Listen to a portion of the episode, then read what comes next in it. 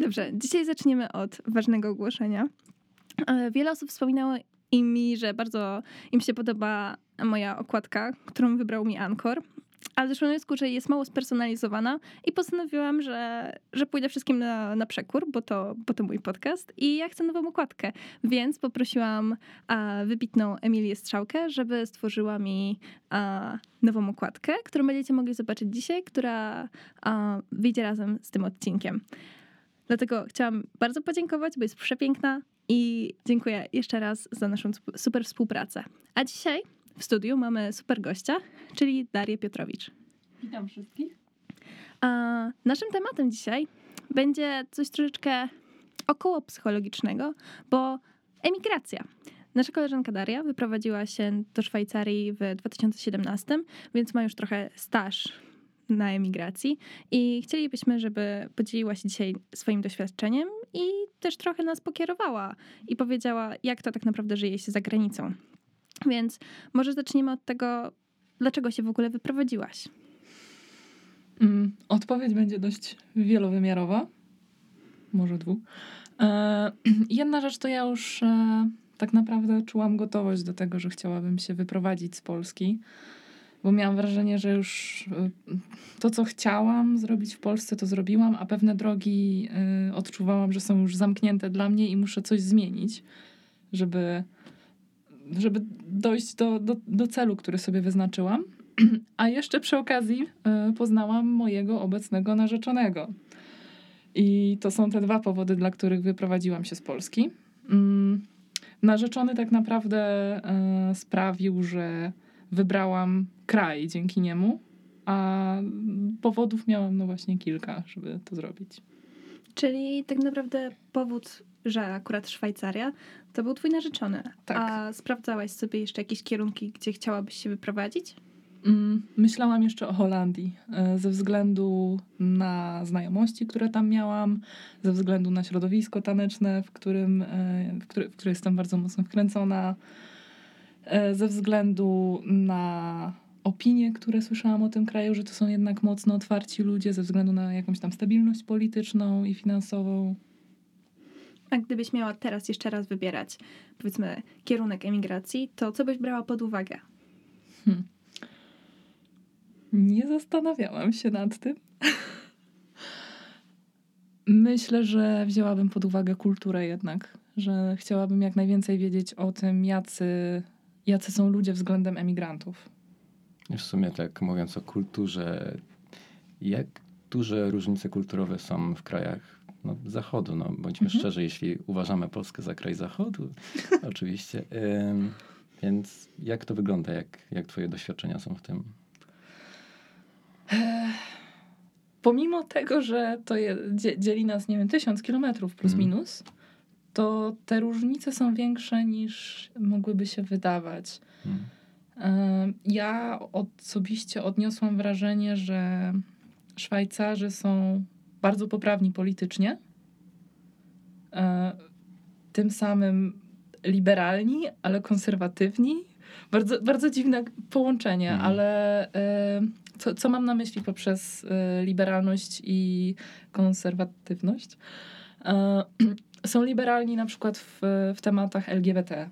Mhm. czyli no, idą z duchem czasu, tak? A jeśli chodzi o, o kwestię konserwatywności, to potrzebują dużo czasu, żeby zaszły tam jakieś zmiany. Natomiast jak już te zmiany zajdą, jak je zaakceptują, to, to te zmiany mają szansę przetrwać na, na długi czas. Mhm. No bo tak się zastanawiałem z racji na to, że no, e, żyjemy w czasach mediów, w mhm. czasach globalizacji, więc można by było się spodziewać tego, że kultura też zostanie troszkę zglobalizowana.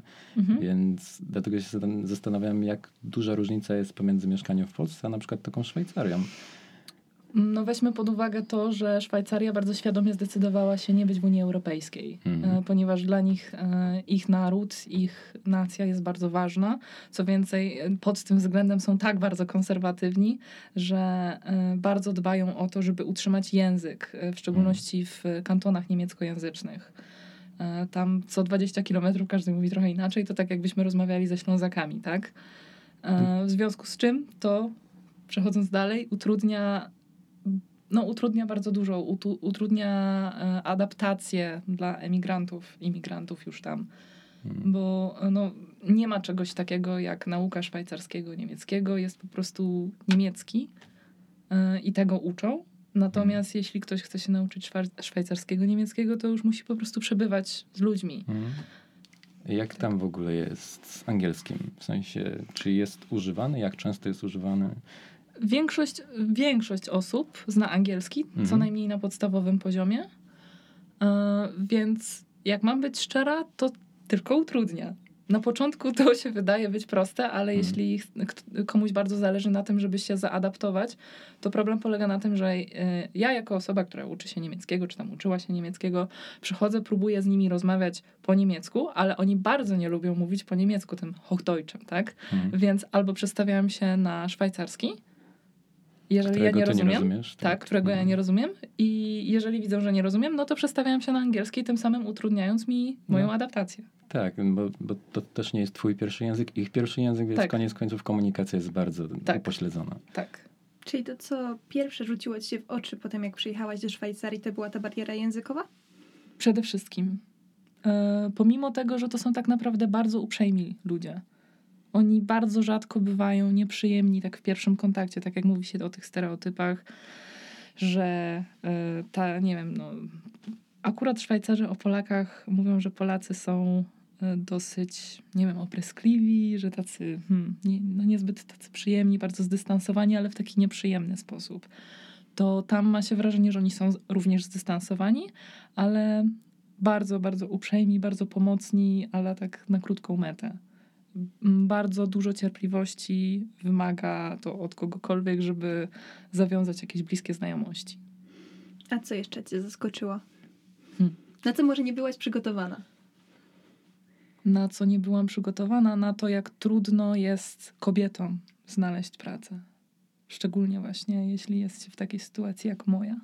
Czyli e, no, nie skończyłam aktualnie jeszcze żadnych studiów, jestem w trakcie, tak? Przyjechałam e, nie znając języka, no i jestem po prostu kobietą. No prosta fizyczna robota jest zwykle jednak no, skierowana do facetów, no bo po tak. prostu tak. więcej tak. udźwigną i tak dalej, i tak dalej. E, tak. No więc no to rozumiem, dlaczego tak. może być tak duży problem. To się zatacza tam troszeczkę koło, bo nawet jeżeli, nawet jeżeli ktoś przyjeżdża z założeniem, że dobrze, to pójdę sobie zarobić ja, ja kobieta, jako kelnerka, tak? Mm. E, no to jest na dzień dobry wymagane znajomość języka niemieckiego, jako ja mówię, tak, mm. po, e, po niemiecku, ale również e, rozumienie języka szwajcarskiego i tu nam się znowu zatacza koło, tak? I tym samym nie jestem w stanie znaleźć sobie takiej najprostszej pracy po to, żeby po prostu zrobić sobie doświadczenie, przebywać z ludźmi. No.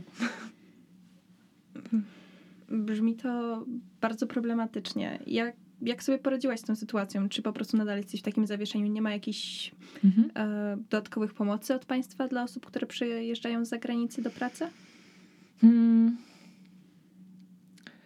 to w dalszym ciągu, tak, jeśli chodzi o mnie, to ja ciągle jestem troszeczkę w zawieszeniu i zdecydowałam się pójść w inną ścieżkę, czyli po prostu zacząć studia, tak? I e, poprzez studia zacząć się e, integrować ze środowiskiem, w którym chciałabym później pracować, tak?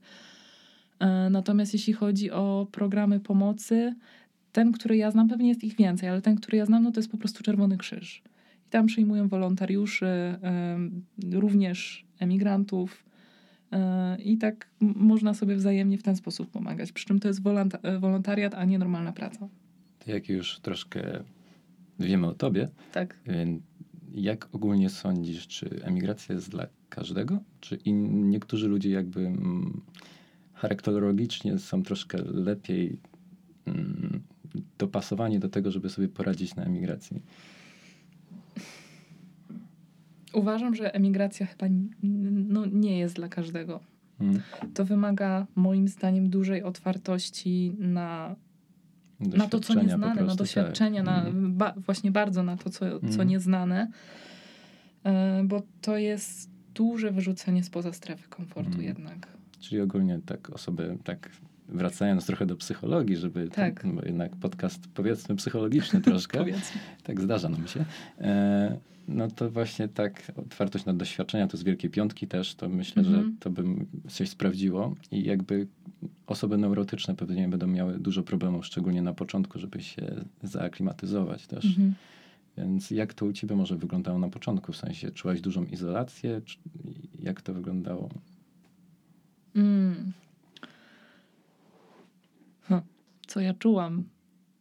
Czułam, tak, czu, w dużym skrócie czułam bardzo dużą izolację, tylko to jest jedno słowo na cały wór, e, tak naprawdę spektrum emocji, doświadczeń. E, tak naprawdę bardzo, bardzo dużej konfrontacji e, ze sobą, z własnymi lękami, bo tak w sumie to postawiłam wszystko na jedną kartę i wyjechałam z dnia na dzień. To nie było długo planowane. W sensie byłam gotowa, miałam wewnętrzną gotowość na tę emigrację, ale y, nie było dużego planu. Y, I tutaj też y, drobne, y, drobna wskazówka dla, dla wszystkich, że bardzo nie polecam tego, żeby tak postawić, szczególnie jeśli chodzi o Szwajcarię, nie wiem jak inne kraje, Y, bo pojechałam tam nie, zna, nie znając języka, więc tu już na dzień dobry nie, nie umiałam się skomunikować z nikim, tak? No, nie miałam znajomych, nie miałam rodziny. Miałam teraz już narzeczonego, ale wtedy jeszcze nie byliśmy ze sobą tak długo, więc no, czułam się bardzo wyobcowana. Więc y, du, duża konfrontacja właśnie z lękami, tak jak mówiłam, takie poczucie samotności.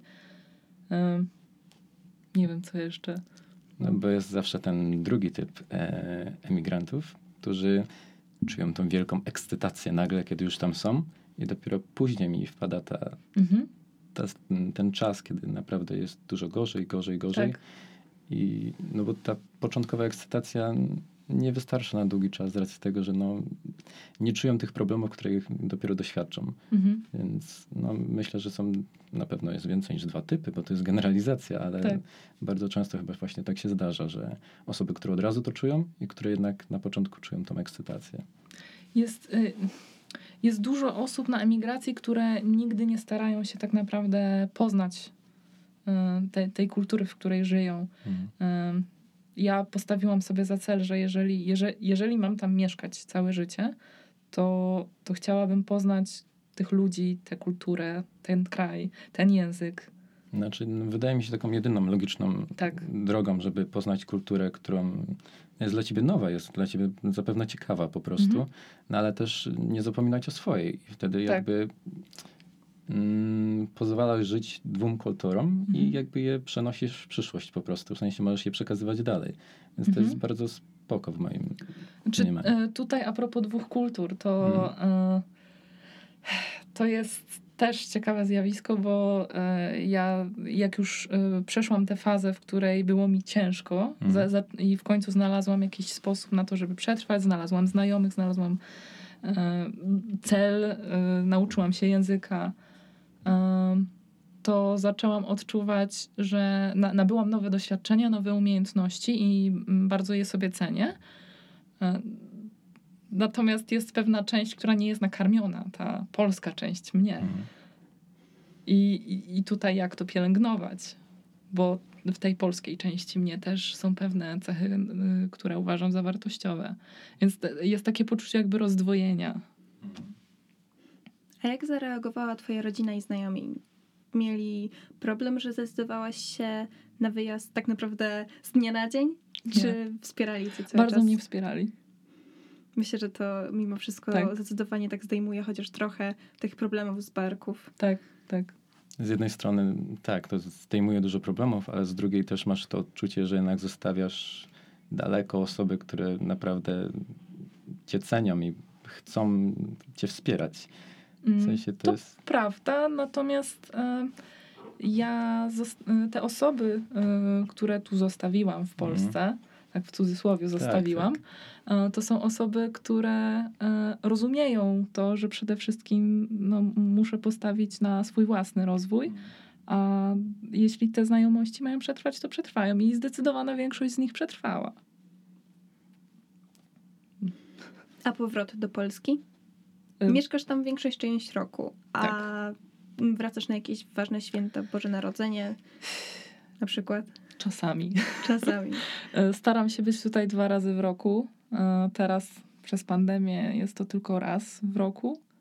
E, teraz jest to dłuższy pobyt, na szczęście, więc mam szansę nadrobić różne rzeczy. E, natomiast no, teraz, skoro zdecydowałam się na taki system studiowania, że studiuję w Polsce mieszkając tam, to prawdopodobnie skończy się na tym, że będę tak trochę podróżować w tej z powrotem. Na co też no, uważam, że to też jest okej. Okay bo y, teraz kolejna rzecz właśnie, która y, okazała się tam być problematyczna, to pomimo tego, że Polska jest w Unii Europejskiej i y, Szwajcaria ma pewne kontrakty podpisane i tak dalej, i tak to jednak był problem z nostryfikacją mojej matury. Więc okazało się, że łatwiejszym sposobem jest pójść na studia w Polsce, a później się przenieść tam. Ogólnie, mm, kiedy wracasz do Polski, czujesz się jakbyś emigrowała ze Szwajcarii? Bo często to jest takie uczucie, że wracasz, szczególnie po dłuższym czasie i niby wszystko jest tak, jak było, niby są ludzie, których znasz, ale wszystko wydaje się jednak troszkę inne i właśnie to, że nie powinno się wydawać inne, jakby maksymalizuje ten efekt. Hmm. Mm, nie mam poczucia emigracji, ale y,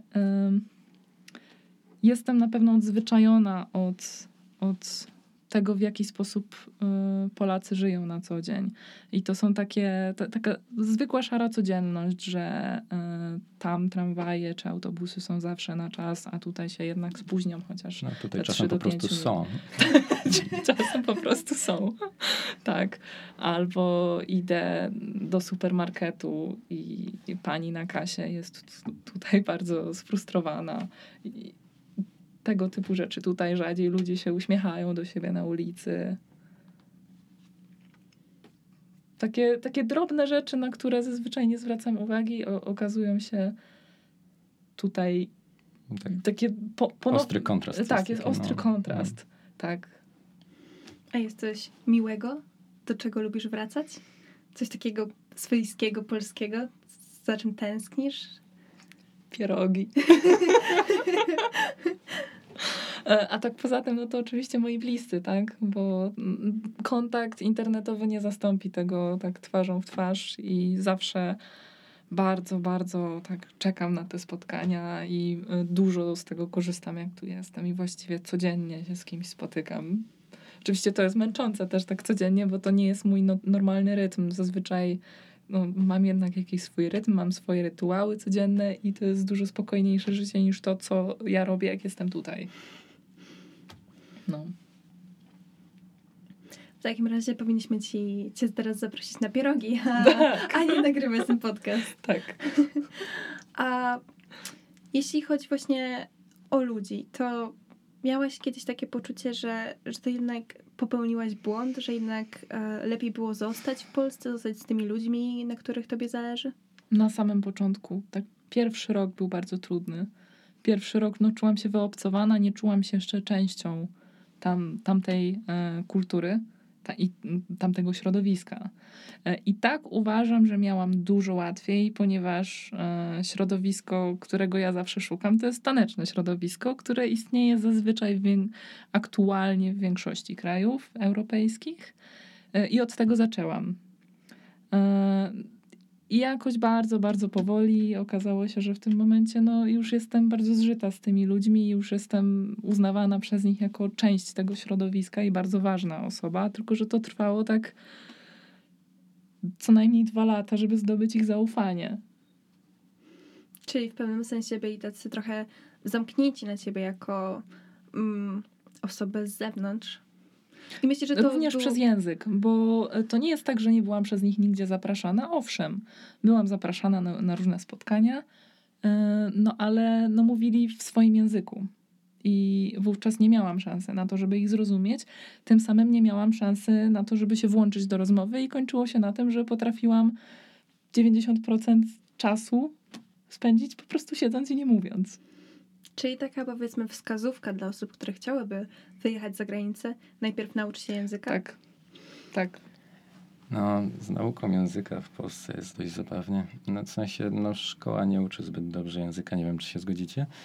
E, mm, niestety no, tak. Tak, no, mój angielski powstał tak naprawdę z internetu, bądźmy szczerzy, bo, bo szkoła nie za dobrze sobie radzi z tym, więc tu jest też problem taki, że no, nie znamy dobrze języków, żeby móc sobie swobodnie wyjechać gdziekolwiek chcemy. Nawet angielskiego nie znamy tak dobrze, żeby po prostu swobodnie się komunikować z ludźmi. Znamy teorię angielskiego, 16 czasów i wszystko fajnie, tylko że to 16 czasów nie przyda nam się, kiedy chcemy kupić sobie, nie wiem, płatki na śniadanie. No, to, to, prawda są jednak e, tak dzisiaj już wiem, że są na to po pierwsze lepsze szkoły, po prostu wybrać się do szkół językowych, które pracują w systemie popołudniowym na przykład. Są, są i poradne i popołudniowe.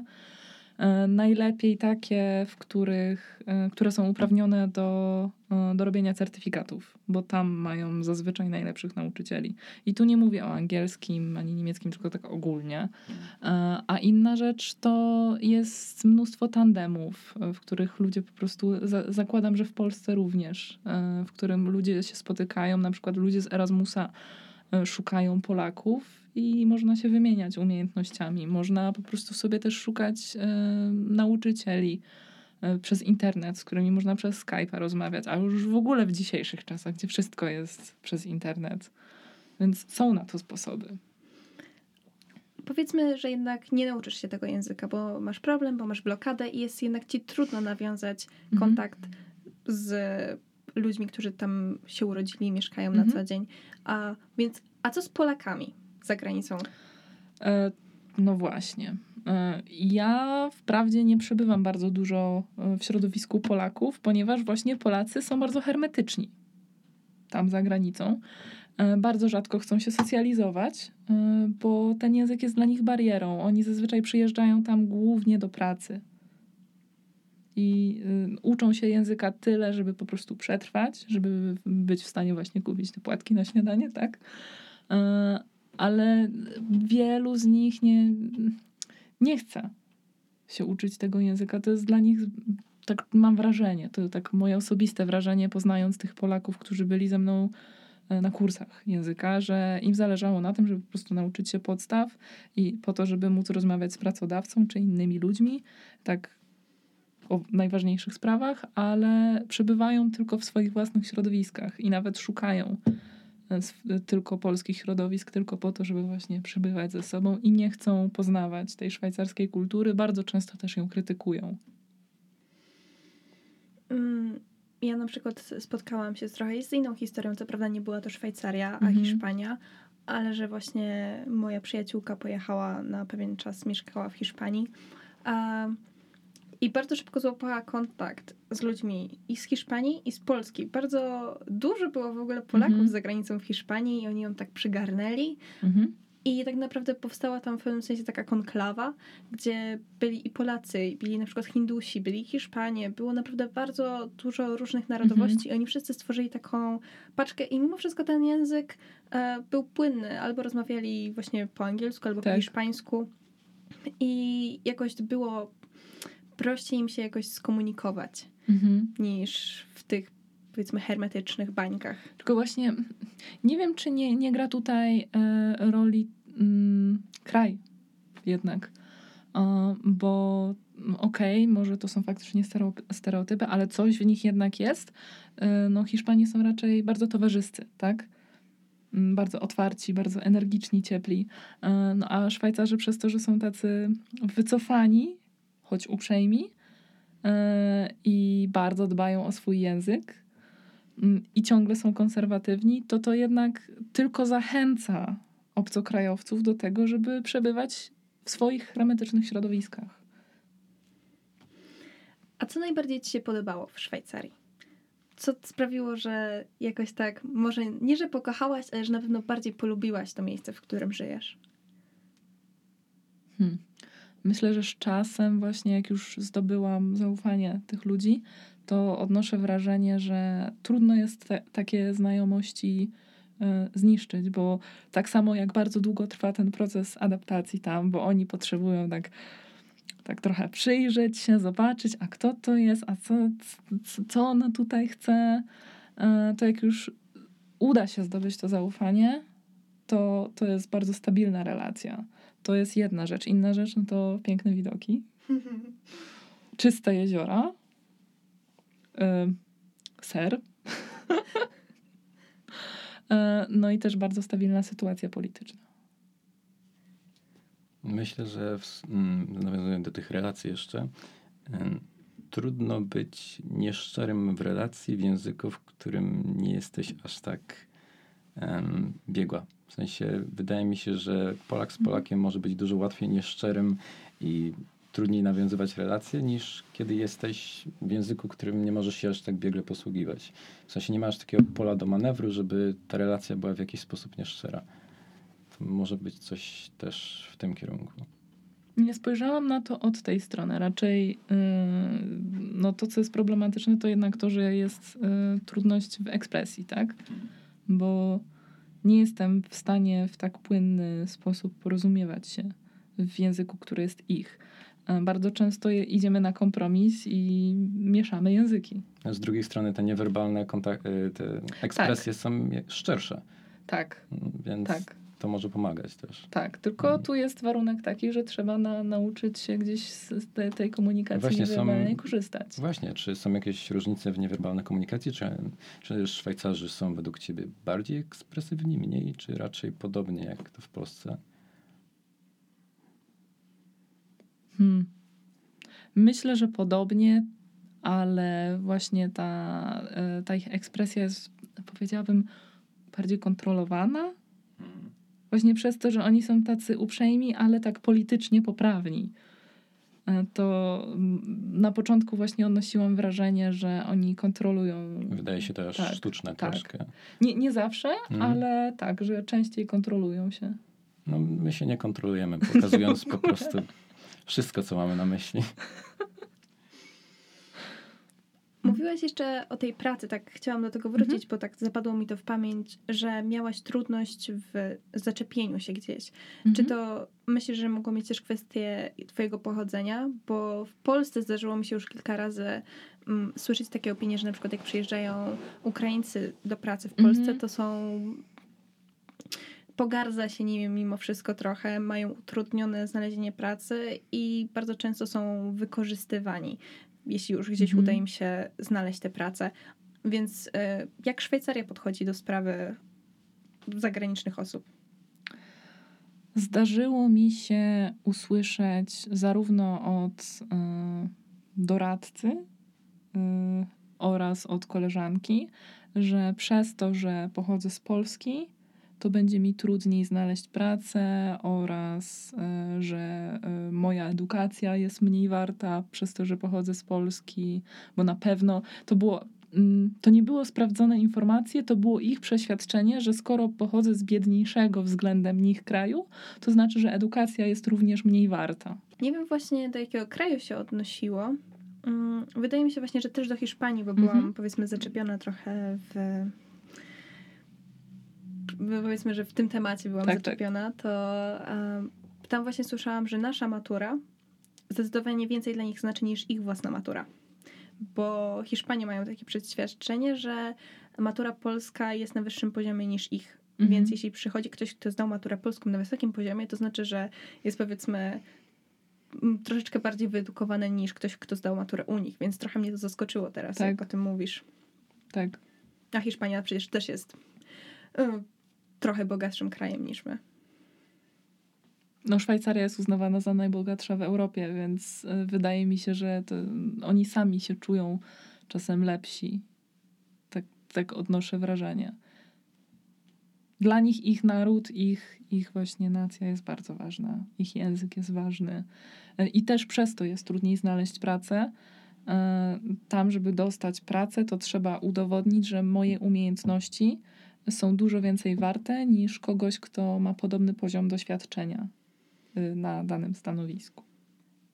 Czyli byłoby ci zdecydowanie łatwiej, gdybyś powiedzmy pojechała tam z umową na, o pracę, tak? W sensie, że jesteś Jak, w Polsce, tak, dostajesz propozycję tak, i tak, oni ci tam tak, tak. pozwalają mieszkać. Tak. To zdecydowanie prościej niż faktycznie pojechać i dopiero tam szukać pracy. Tak. Co nie oznacza, że łatwiej, ale no prościej z tego względu, że jeżeli jadę tam bez, bez zakwaterowania, bez pracy, to nie dostanę zwyczajnie wizy. A co właśnie z zakwaterowaniem? W sensie, skoro Szwajcaria jest jednym z najbo- najbardziej bogatym krajem, tak jak tutaj mówisz, no, ja tego na przykład nie wiedziałam, więc ufam twoim słowom. Mhm. A to jak z mieszkaniem? Czy było trudno ci się jakoś coś znaleźć? E, no ja miałam troszeczkę łatwiej, bo od razu się wprowadziłam do mojego narzeczonego, który tam był e, wówczas już pół roku. Więc nie miałam problemu z zameldowaniem. E, natomiast jeżeli ktoś po prostu, czasami są takie kraje i są takie osoby, że a dobrze, to pojadę sobie do jakiegoś kraju i tam już znajdę na miejscu jakąś pracę i zameldowanie, tak? Y, no tam tak się nie da. Ja muszę mieć najpierw zameldowanie, a dopiero y, potem mogę szukać pracy. Albo na odwrót. Najpierw muszę znaleźć pracę, a później zameldowanie. E, a jak już się to robi na miejscu, to to jest tak naprawdę zamknięte koło i e, nie mam wizy, nie dostanę pracy, bo muszę mieć najpierw wizę pracowniczą, tak? E, I no jeżeli ktoś nie jest w stanie udowodnić, że jest w stanie się utrzymać bez pracy, przez ileś tam miesięcy, to nie dostanie tej wizy. A bez tej wizy nie dostanie pracy. Mhm, czyli takie błędne koło. Tak, błędne koło. W moim przypadku to akurat było jakoś do zrobienia, że ja mam ciągle tę wizę pracowniczą, więc ja mam możliwość dostania pracy. E, I jedyne, co mi się przez te 4 lata udało tak naprawdę e, gdzieś dostać, to na praktyki.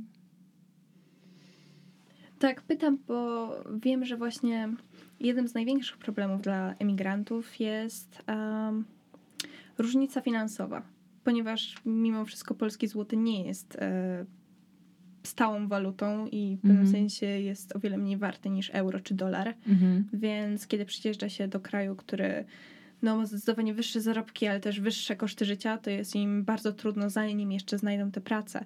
Tak. Więc e, słyszałam, że są takie dwie najpopularniejsze.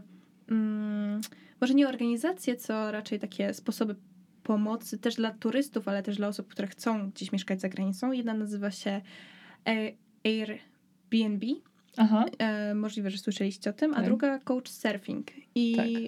Jedna z nich na pewno polega na tym, że po prostu umawiacie się z jakąś osobą na to, że słuchaj, chciałbym u ciebie mieszkać przez półtora miesiąca. Mhm. I ta osoba mówi, jasne, spoko, nie ma problemu ale w tym samym momencie jakby umawiacie się na to, że jeśli ta osoba kiedyś będzie chciała przyjechać do Polski, Jasne. to ty wtedy ją przyjmiesz na tak, te tak. półtora tak. miesiąca. I wtedy to jest też taka pomoc dla ciebie, tak. że w tym momencie możesz za niewielką cenę, nawet za darmo, w zależności od tego, jak tak. się umówisz z tą drugą osobą, będziesz mógł sobie mieszkać tam na miejscu. Tak. E, takie systemy istnieją, szczerze mówiąc. E, no do Szwajcarii to niewielu turystów z Polski przyjeżdża, jak mam być szczera, chyba że odwiedzają właśnie jak, jakąś swoją rodzinę. E, I wtedy couchsurfing się bardziej opłaca, bo albo jest tani, albo po prostu się nic nie płaci. E, jeśli chodzi o Airbnb, to no albo ludzie, którzy pochodzą po prostu z bogatszych krajów, albo jeżeli właśnie ktoś dostał pracę i potrzebuje, jeszcze nie znalazł mieszkania, bo to też właśnie jest bardzo trudno dostać mieszkanie E, to zazwyczaj wynajmują sobie po prostu Airbnb na miesiąc z zameldowaniem na tym Airbnb. I wówczas jest łatwiej znaleźć nowe mieszkanie. Bo to też, jak się okazuje, znalezienie mieszkania to jest niełatwe. Są castingi, trzeba zrobić tak jak na, o pracę, CV, list motywacyjny i chodzić i jak się nie spodoba, to jest gorzej. A emigrantom jest trudniej znaleźć mieszkanie, ponieważ no, nie ufają nam. Jest, jest fajniej, żeby na mieszkaniu mieszkał ktoś, kto jest Szwajcarem, tak? Bądź Szwajcarką.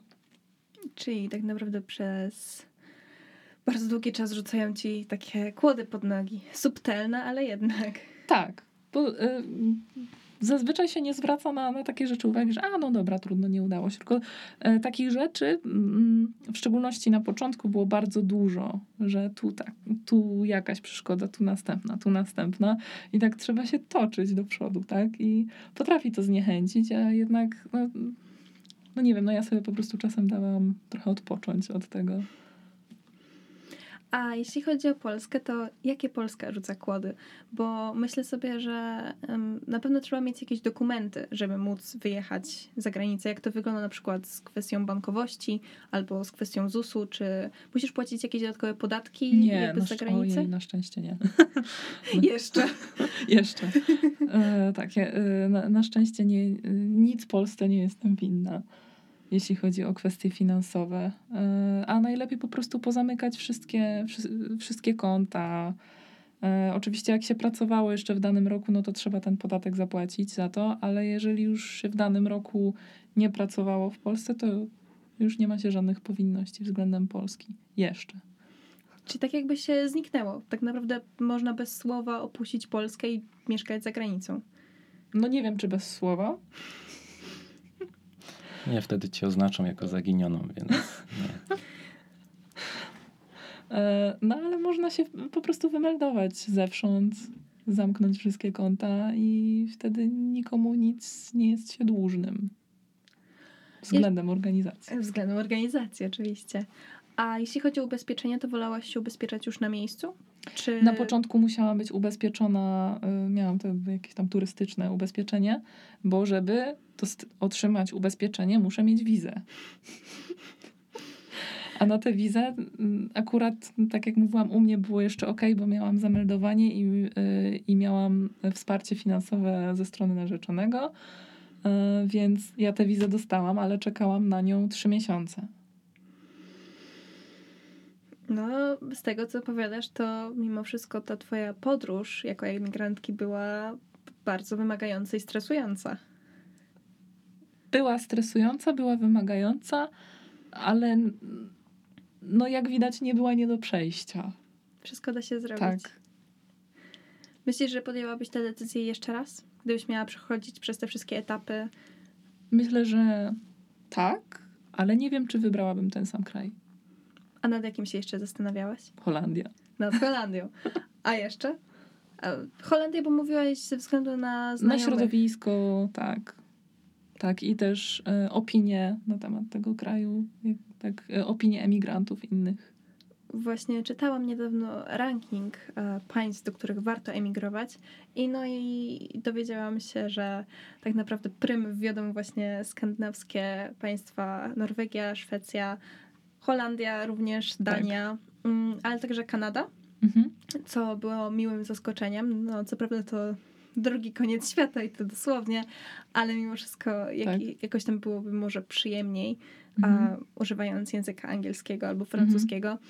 A, I co jeszcze? Jeszcze jeden kraj, który mnie zaskoczył, to chyba był Tajwan. Że bardzo, Tajwan. bardzo mhm. przyjemnie się jakby emigruje do Tajwanu, bo mają... Mm, właśnie takie dodatkowe pomoce dla mhm. osób, które jakby emigrują do nich. Mhm. To skoro jest tak dużo pozytywów, dlaczego się przeprowadzać, dlaczego tak mało osób to robi?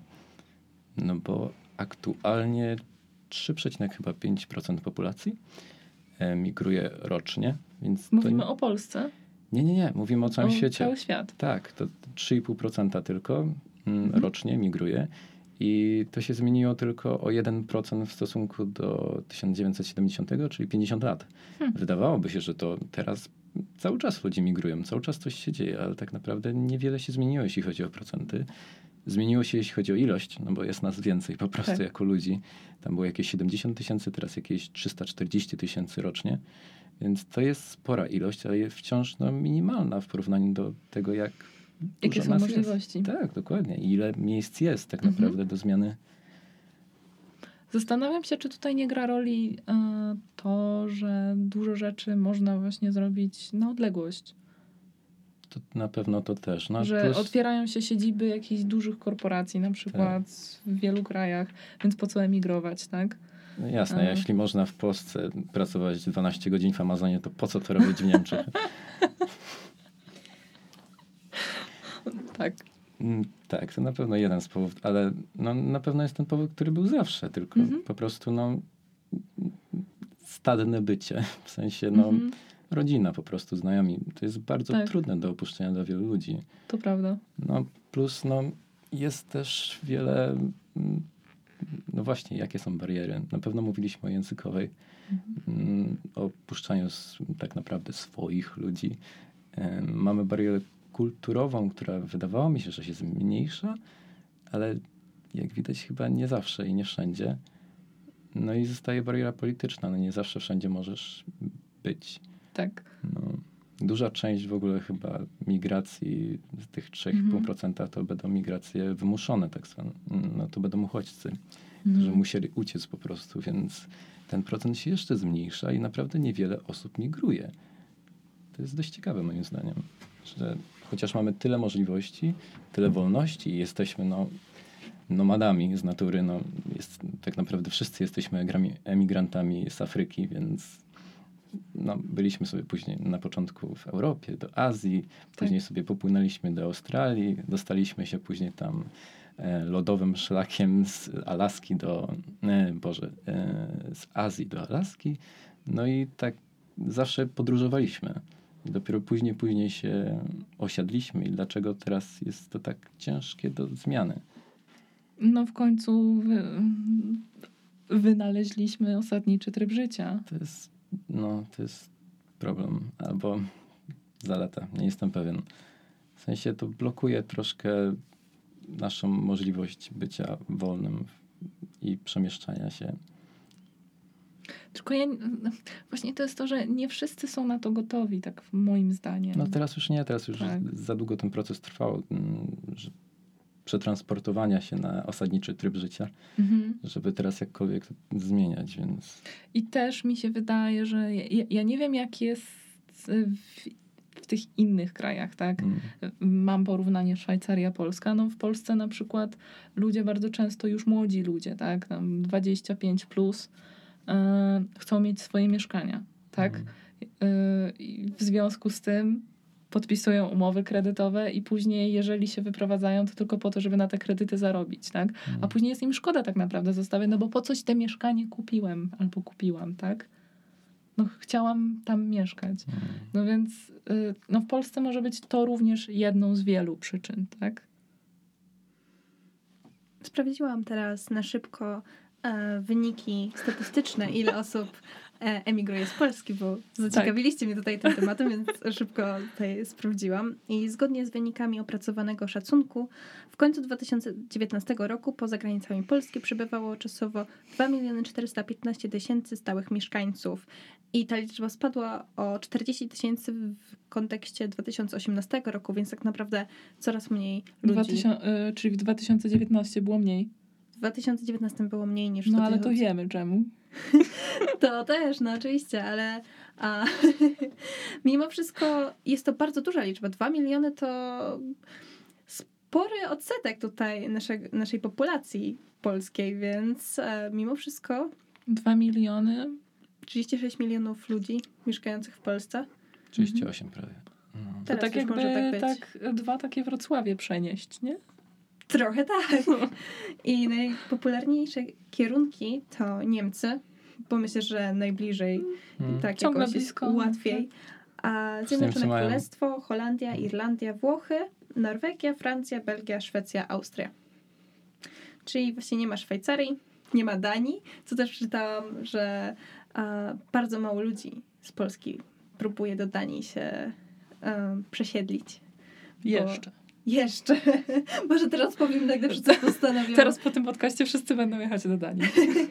a, bo bardzo drogie życie tam i właśnie trzeba znaleźć a najpierw pracę, żeby móc się tam no jakoś właśnie. utrzymać. Do Danii tak. najczęściej jedziesz od razu z pracą i zakwaterowaniem pracowniczym. Tak. Wtedy możesz naprawdę odłożyć dużo pieniędzy w stosunku do tego, co zarobisz w Polsce i później po prostu wracasz. To jest najczęściej tak. ten rodzaj emigracji, jeśli mhm. chodzi o Danię. A gdybyś miała powiedzieć, jak według ciebie, jaki jest najlepszy wiek na emigrację? Czy lepiej to zrobić wcześniej, kiedy masz powiedzmy mniej znajomych i mniej takich punktów zaczepienia albo hmm. punktów takich... Jeszcze w brzuchu matki, wtedy na pewno nie masz znajomych. Chociaż, no nie wiem. No. Czy potem jak już jesteś bardziej stabilny w życiu? Ja myślę, że jeszcze jak jest się młodszym. Ja myślę, że dla mnie osobiście to był taki jeden z ostatnich momentów, bo to, to nie no nigdy nie mów nigdy, tak? Yy, tak naprawdę zawsze jest dobry moment na zmianę, no ale zazwyczaj jak jesteśmy starsi, to już nie szukamy tych szaleństw, tak? Już chcemy jakiejś stabil, stabilności, stabilizacji, a taka emigracja potrafi wywrócić życie do góry nogami i nagle e, wszystko, co znałam, już, już się nie liczy, tak? No nie tyle, co się nie liczy, ale się nie sprawdza po prostu. Więc e, uważam, że mm, przed trzydziestką. Ale po studiach. Niekoniecznie. Chociaż e, a propos właśnie tego, nie wiem, czy łatwiej, szczerze mówiąc. To, za, to zależy, jak kto zna języki. Tak. E, ale słyszałam, że w szczególności jeśli chodzi o lekarzy, to no, Polska bardzo kuleje, ponieważ no, w Polsce są jednak dobre studia medyczne. E, I bardzo wielu młodych ludzi właśnie zaraz po studiach medycznych emigruje za granicę, no bo tu nie zarobią za wiele, a za granicą zarobią sporo, a ciągle mają dobre studia. I Polska rozważa podobno wprowadzenie właśnie podatku od takich sytuacji, że ktoś tutaj pobiera w Polsce nauki e, właśnie na studiach wyższych, a później e, wyjeżdża. Więc te, takie osoby, które tak robią, to podobno Polska rozważa, żeby jakiś albo podatek wprowadzić, albo po prostu koszta tych studiów zwracać. To już byłoby dość bzdurno, w sensie, no, zwracasz koszta za coś, za co sam sobie, na co sam sobie zapracowałeś tak naprawdę, bo to mogą być studia opłacane, ale też niekonieczne. Jeśli się dostałeś na dobre studia, to znaczy, że twoje wyniki były wystarczające, żeby tam być i nie powinieneś nic za to płacić. Nigdy tak naprawdę. A poza tym, to, że ktoś emigruje, to nie znaczy, że wszystko, co zarobi, nigdy nie wróci do tego państwa. To bo bardzo często ludzie, którzy emigrują, szczególnie młodzi, te pieniądze wracają, no bo mm, po prostu dają je na przykład rodzicom, którzy mm. już nie mogą pracować. Mm, cokolwiek, po prostu mm -hmm. te pieniądze wracają i często są używane na polskie produkty i tak dalej, i tak dalej. Więc to nie jest tak, że te pieniądze nagle znikają, człowiek znika i jest drenaż mózgów po prostu. No nie do końca tak to dzieje się. No, to byłoby trochę mm, niesprawiedliwe, no ale umówmy się, mamy podatek od emerytury, więc myślę, że wszystko się może zdarzyć. Tak, ogólnie no, z, z migracjami jest tak, że są jakby dwie przyczyny.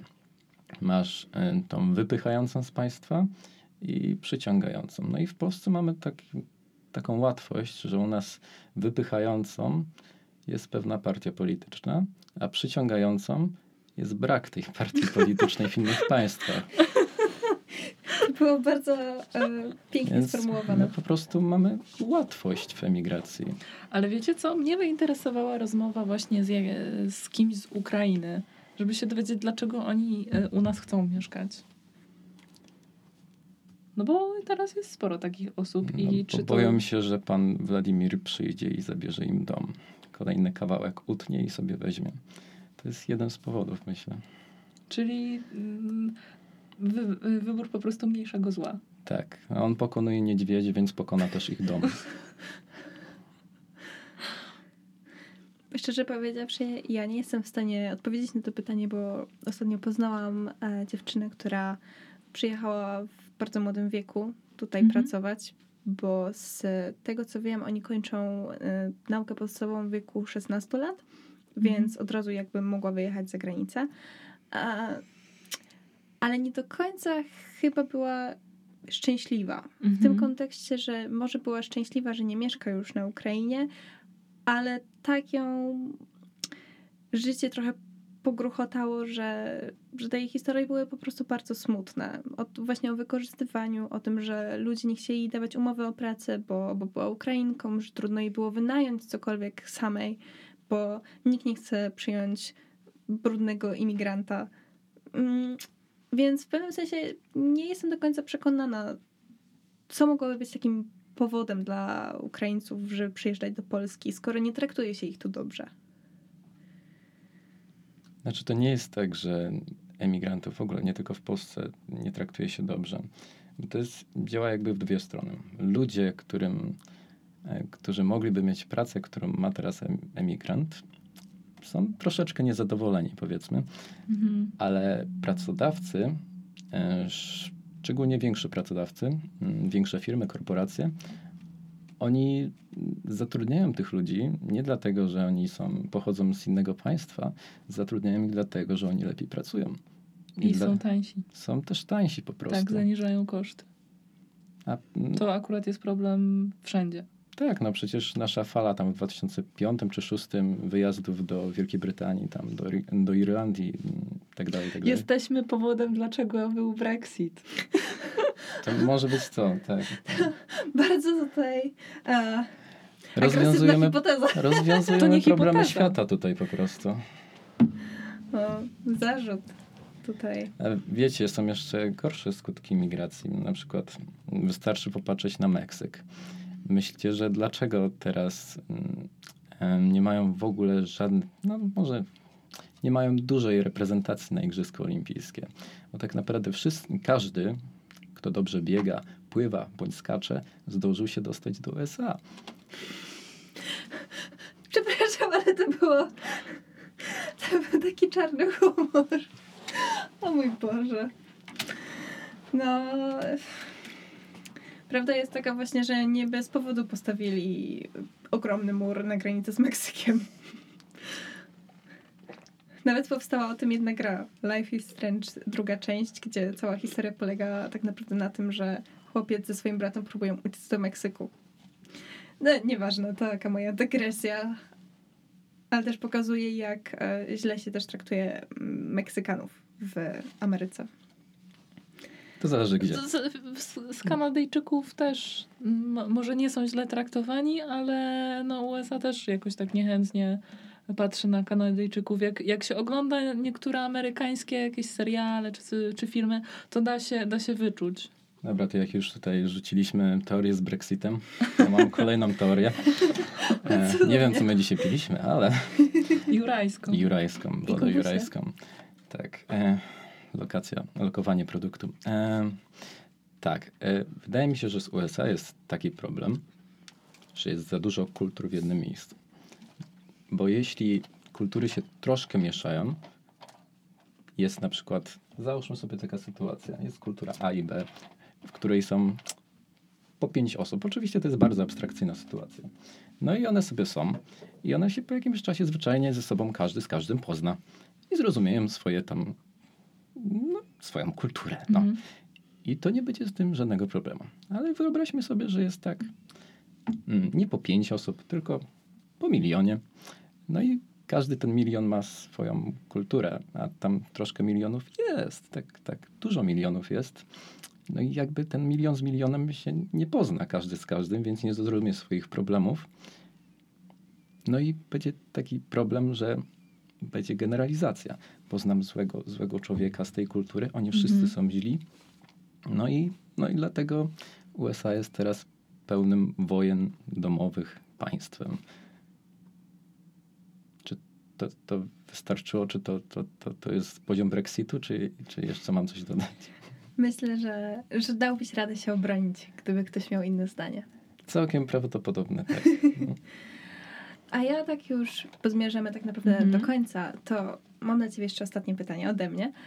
Um, gdybyś miała powiedzieć trzy, ra trzy rady dla kogoś, kto chce się wyprowadzić, to jakie by to były? Takie, które ty byś chciała usłyszeć od, od siebie. Co by ci pomogło?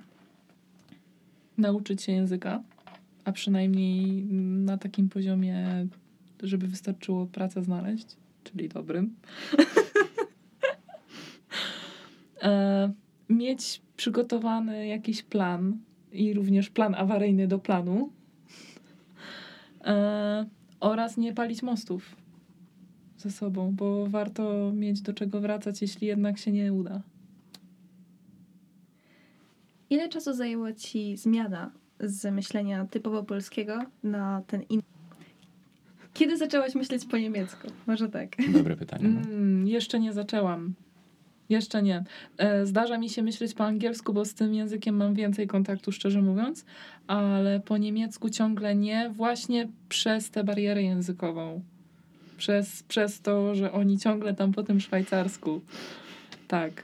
Więc ja jestem na etapie tego, że najpierw jak będę miała, tak mi się wydaje, tak to się u mnie odbywa, że jak już wiem, że rozumiem wszystko, co do mnie mówią, to wtedy mogę trochę poluzować y, z mówieniem u siebie i jakoś po tym czasie. Także podejrz- ja jeszcze się podejrzewam tak o dwa lata. Niedługo przyjedziesz do Polski, odwiedzisz nas i będziesz do nas, no musimy iść do tego, e, e, no do tego. Ale to, ale to już się zdarza. Tylko, że, tylko, że y, no właśnie u mnie z angielskim raczej. Tak. Jak mówisz o emocjach, to w jakim języku jesteś jeszcze w stanie mm, odpowiednio o nich mówić? To zależy. Typowo psychologiczna odpowiedź. Musi być w każdym odcinku. E, o, coś chciałeś powiedzieć? Nie, wydawało mi się, że my kiedyś o tym rozmawialiśmy, ale nie jestem pewien. Nie, jest- też nie, nie wiem. No Wiem. właśnie, bo wydaje mi się, ale to, to mógł być ktoś inny, chociaż to z tobą takie tematy ruszyliśmy też. Możliwe. No właśnie chodziło o to, bo w Polsce jest tendencja, szczególnie jeszcze troszkę lat wcześniej, że w rodzinie się zbytnio nie mówi o emocjach. Mhm. Więc dziecko nie uczy się w tych początkowych latach wyrażać swoich Mhm. emocji tak, jak, tak jak no, powinno się Mhm. to robić. Więc kiedy poznaje drugi język i poznaje go dobrze, zwykle to jest jednak, kiedy się przeprowadza, ale nie zawsze tak jest. Na przykład ja. Ja poznałem język po prostu sam się go ucząc Tak, i mi wyraża się emocje lepiej po angielsku. tak. Więc chyba też o to chodziło w pytaniu i jak u ciebie to wygląda. Mm, u mnie jest troszeczkę inaczej, bo ja wiem, że angielski ma e, więcej określeń, które e, oddają jakieś szersze pojęcie. Jest taki Tak? ekspresywny trochę. Tak? Tak. No, To chyba tak, to chyba my chyba rozmawialiśmy. tak. E, ale jeśli chodzi o wyrażanie siebie samej, to, to w zależności od tego, o jakich doświadczeniach mówię. Bo jeżeli mówię o doświadczeniach właśnie gdzieś z jakiejś tam przeszłości, zanim się przeprowadziłam, to jest mi jednak łatwiej po polsku. Natomiast tam już mam jakieś nowe doświadczenia i o nich mi się łatwiej mówi właśnie w języku, w którym to się wydarzyło. Mhm. Bo tam padły pewne słowa i No tak, to już z jest tym, logiczne. Tak. y, z tym gdzieś jest zakotwiczona ta Mhm. emocja, tak? Mm. No, no, takie torowanie troszkę. Tak. No. Tak. Więc jest ży- e, y, nie wiem, no, emocje wyrażone przed Szwajcarią i po Szwajcarii w dwóch różnych językach, chociaż ten polski ciągle jest obecny w moim życiu, bo to nie jest tak, że nie mam z kim rozmawiać Mhm. po polsku. no zakładam, że w domu rozmawiacie Tak, w po domu polsku. rozmawiamy po polsku. No, więc- Chociaż przez to, że oboje przebywamy w środowiskach pewnie się wielojęzycznych, to tak, to, to Tak, sobie tak. mieszamy te No. języki. Byle się zrozumieć. no. Tak. Tylko te języki są. E, Natomiast jeszcze teraz a propos właśnie emocji i tak dalej, to przypomniało mi się, że niedawno zrozumiałam, dlaczego ja mam taką trudność w wyrażaniu emocji e, po, po niemiecku. Znaczy, że to może być jeden z wielu czynników. Raz, że właśnie oni mówią po, szwaj... Ups, po szwajcarsku, a, a ja do nich po niemiecku, ale oni sami, wszyscy wokół mnie, wszyscy Szwajcarzy mówiący po szwajcarsku, to jeżeli mówią po niemiecku, to robią to tylko, bo muszą, bo Mhm. to zazwyczaj jest związane z pracą, to jest dla nich język e, pisany albo branżowy. Mhm. E, No więc nie jest i- połączony zbytnio z Dokładnie, emocjami. dokładnie. I ja się zaczęłam zastanawiać, czy przypadkiem to u mnie nie gra roli, że dla mnie to też jest połączenie, że aha, jeżeli chodzi o język niemiecki, to że to jest tylko taki język biznesowy. Mhm. To miałoby sens w sumie. Tak. no.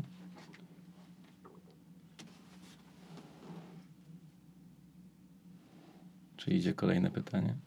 Okej. Jaka była pierwsza rzecz, którą zrobiłaś totalnie na spontanie, jako jedna z pierwszych rzeczy tam już za granicą? Tak, że w ogóle o tym nie myślałaś i postanowiłaś zrobić jakąś spontaniczną rzecz w Curychu. Co za pytanie! Ja tutaj tylko przekazuję głosy z słuchawki. Totalnie spontanicznie, co po, co, co, a, a, ja, ja nie wiem, zdefiniujmy spo, spontaniczność. Co to, co to jest za spontan? Nie wiem, może postanowiłaś e, włamać na basen szwajcarski. zmienić pastę do zębów? Na przykład dla każdego To spontanicznie jest niebezpieczne. innego.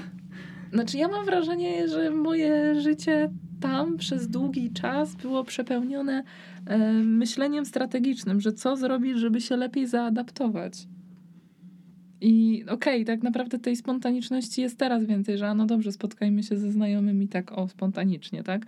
Ale tam jest ciężko być spontanicznym. Oni wszyscy są tak w ogóle zaplanowani i zorganizowani, że jakikolwiek spontan to jest dla nich za duże zaskoczenie. Ktoś i, mógłby powiedzieć, że jak w szwajcarskim zegarku. Wybaczcie, musiałam. Trochę tak. Tak. E, no ale nie ma jakichś takich zaskakujących rzeczy. Ulubione szwajcarskie jedzenie. Ale nie chodzi o samą potrawę, tylko jeśli chcesz sobie jakoś dogodzić, to na co idziesz? Mm. Dobre pytanie. Mm. Chyba lubię, te, zajadę stereotypem, e, fondue. Ale to musi być dobra mieszanka. A jaka jest twoja ulubiona? E, nie znam nazwy, ale to są takie jakieś ostrzejsze smaki sera i tam jeszcze się dodaje alkohol do środka. No to dość ostre sery, no masz rację. e, tak, ale to raczej okazjonalnie, bo to, to później ciężko na brzuszku, nie? No. Okej. Okay.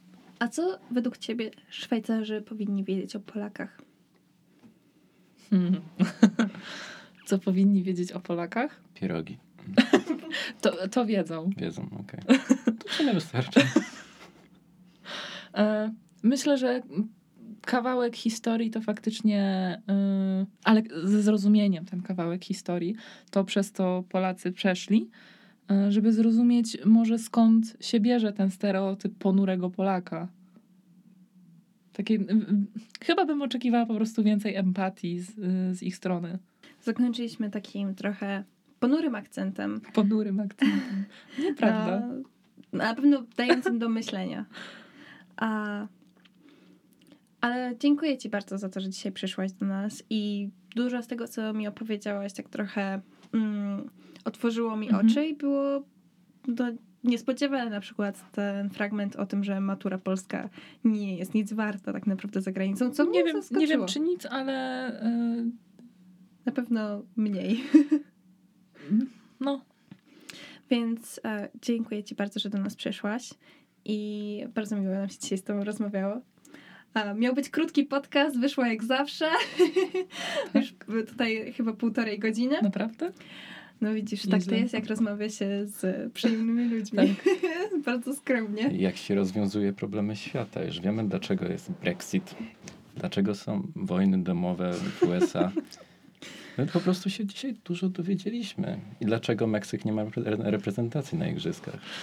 Wszystko teraz tworzy sens.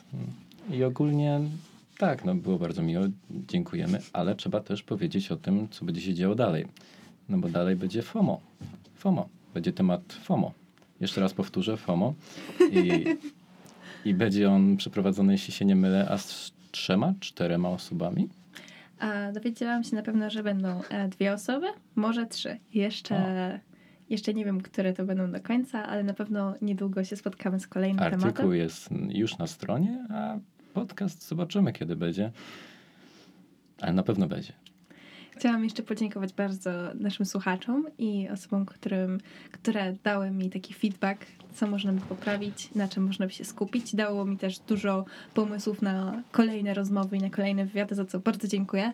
A chciałabym, żeby ten podcast naprawdę był na wysokim poziomie i bardzo mnie cieszy to, to takie zaangażowanie słuchaczy. A więc dziękuję. Jeśli chcecie, to możecie przesłać go dalej, bo mam wrażenie, że temat o emigracji jest bardzo ważny, tak jak wszystkie, które tutaj poruszamy.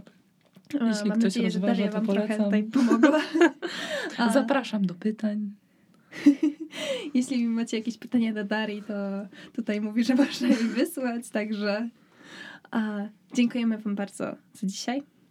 Dziękuję również. I witamy. I widzimy się w następnym odcinku. Witamy się w następnym odcinku. Właśnie to chciałam powiedzieć, a jakoś tak przestań, się nabijają za mnie. To zostanie. Dobrze. A, I widzimy się w następnym odcinku. Słyszymy. Kurczę, to, że chciałam powiedzieć, że witamy się w następnym... Nie, że... Usły... O, i to usłyszymy się w następnym odcinku. To też nieprawda, bo usłyszycie, my ich nie będziemy słyszeć. Franek! O, mój Może po prostu do usłyszenia w następnym odcinku. To jest dobra. Pa! I na tym to zakończymy. Pokój i przedpokój z wami.